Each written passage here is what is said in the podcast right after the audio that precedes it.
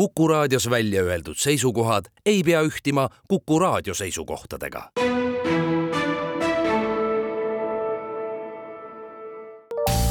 terviseks. saade valmib koostöös Ida-Tallinna Keskhaiglaga. vaata ka itk.ee tere, head Kuku kuulajad, eetris on saade Terviseks ja me räägime täna kopsupõletikust. mina olen Ingela Virkus ja koos minuga on stuudios Ida-Tallinna Keskhaigla nakkushaiguste arst doktor Aino Rõõm, tere! tere!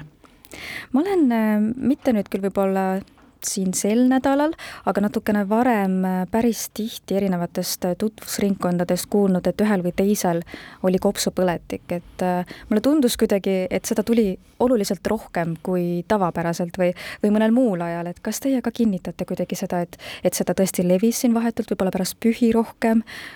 või on see ikkagi küllaltki tavapärane? praegu on ikkagi nii, et meil on levimas kaks ägedat infektsiooni, üks on siis gripp, on siis A-gripp praegu kõige rohkem või B-gripp. Ja teine äh, ikkagi meil kestab veel Covid äh, infektsioon samuti. Ja need kaks siis on need, mis meil annavad sellise ägeda respiratoorse infektsioonide haigestumise tõusu. Ja nüüd lisaks sellele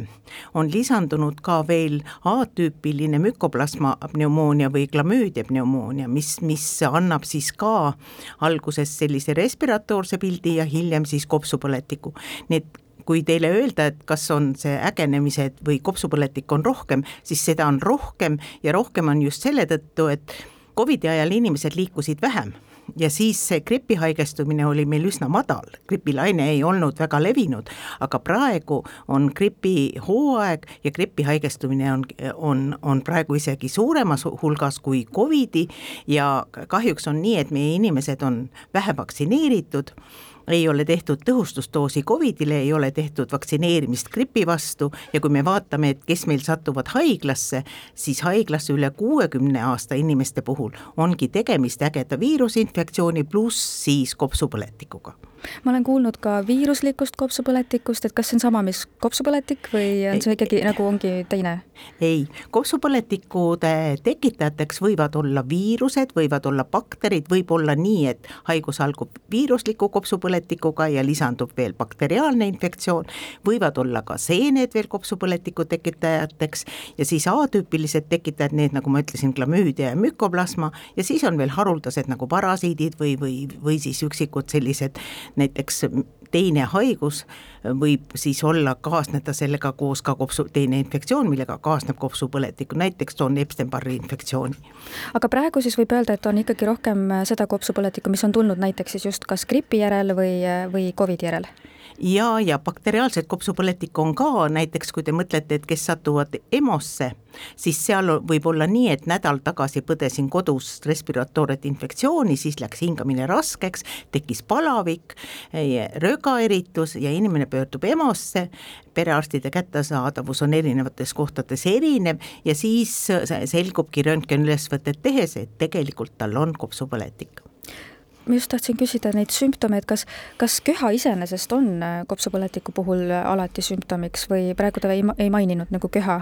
köha äh, kopsupõletiku puhul on enamikel juhtudel ja selliseks juhtivaks sümptomiks koos siis palaviku või hingamisraskuse või õhupuudusega,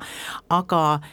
võib olla ka selline ärrist-, ärritustüüpi köhad, et just need mükoplasma ja klamüüdia, kus siis on niisugune ärritustunne kogu aeg kurgus ja, ja selline kuiv köha ja rõgaeritust tegelikult ei ole ja, ja ikkagi on nii, et nii viiruslik kui bakteriaalne kopsupõletik võib olla sarnase kliinikuga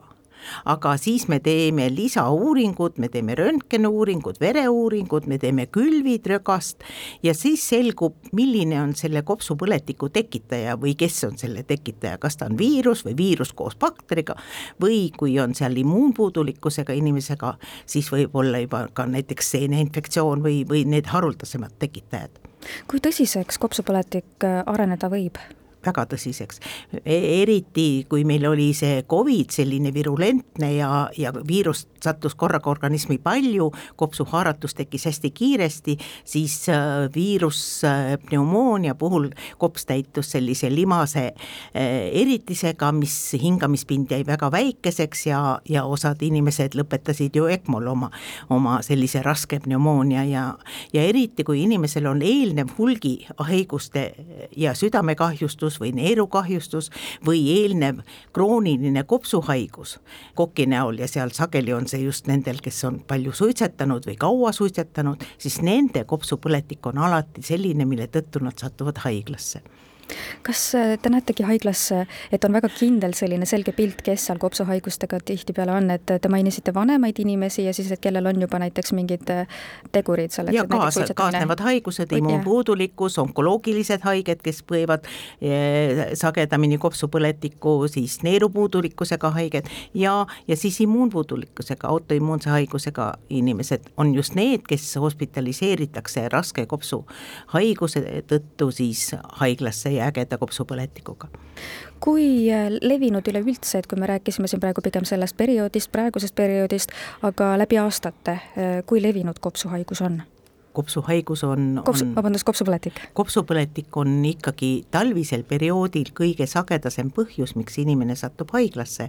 koos südame puudulikkusega nad esimesel-teisel kohal ja kopsupõletik võib kulgeda ka väga raskelt ja ta on üks äh, vanemate inimeste surmapõhjuseid lisaks siis sellele raskele põhihaigusele, ta võib olla just see trigger, mis siis selle hulgiorgan puudulikkuse eh, vallandab ja, ja selle tõttu siis see kulg on väga raske või, või siis letaalse lõppega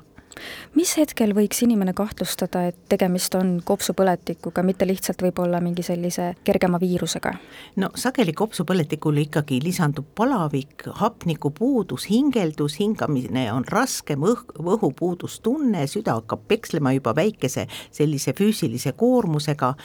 ja siis võiks ikkagi juba, on väga põhjust arsti juurde tulla, sest siis tuleb vaja teha lisauuringut, et siis selgitada, kas on kopsupõletik või ei ole kopsupõletik aga siis ta peaks minema esmalt perearsti poole, eks? no meil on siin kaks varianti, eks, et kui perearstid, meil on ju, perearstide koormatus on suur ja eriti sellisel respiratoorsete levik, viiruse leviku perioodil, siis kui on ikkagi kõrge palavik, õhku ei jätku, hingamine läheb väga sagedaseks, süda klopib, siis tuleks ikkagi ka, võib tulla EMO-sse saab röntgenuuringu kiiresti tehtud ja, ja diagnoosi siis ja kindlasti, kui see kopsupõletik on ulatuslik, siis on vajalik haiglaravi ja hapniku manustamine kui äh, nakkuslik see on, kas see on üldse nakkav, et kui näiteks inimesel on, ongi tõesti siis äh, kopsupõletik, et kas ta pereliikmed võivad ka selle kuidagi saada? ja kõik oleneb sellest nüüd jälle sellest etioloogiast, gripi annab pereliikmetele edasi, Covidi annab pereliikmetele edasi, siis näiteks neid atüüpilisi, mis me rääkisime, mükoplasma ja klamüüdia, need on ka perepõhised. Nad ei ole küll nii, et, et, et nakkumine toimub esimese kolme päeva jooksul, nende peiteperiood on pikem ja edasikandlus võib olla pikema perioodi perioodi vält, et üks saab juba terveks, siis hakkab teine peres köhima. aga samal ajal nagu pneumokoki nakkus, selle puhul tegelikult sellest otsest edasikandlust pereliikmetele, kui tal just ei ole immuunpuudulikkust ja keegi ei köhi just sul kogu aeg kõrval, keda sa abistad, siis, siis seda ohtu, nii suurt ohtu ei ole me jätkame oma vestlust juba homme kell neliteist nelikümmend viis. terviseks saade valmib koostöös Ida-Tallinna Keskhaiglaga. vaata ka itk.ee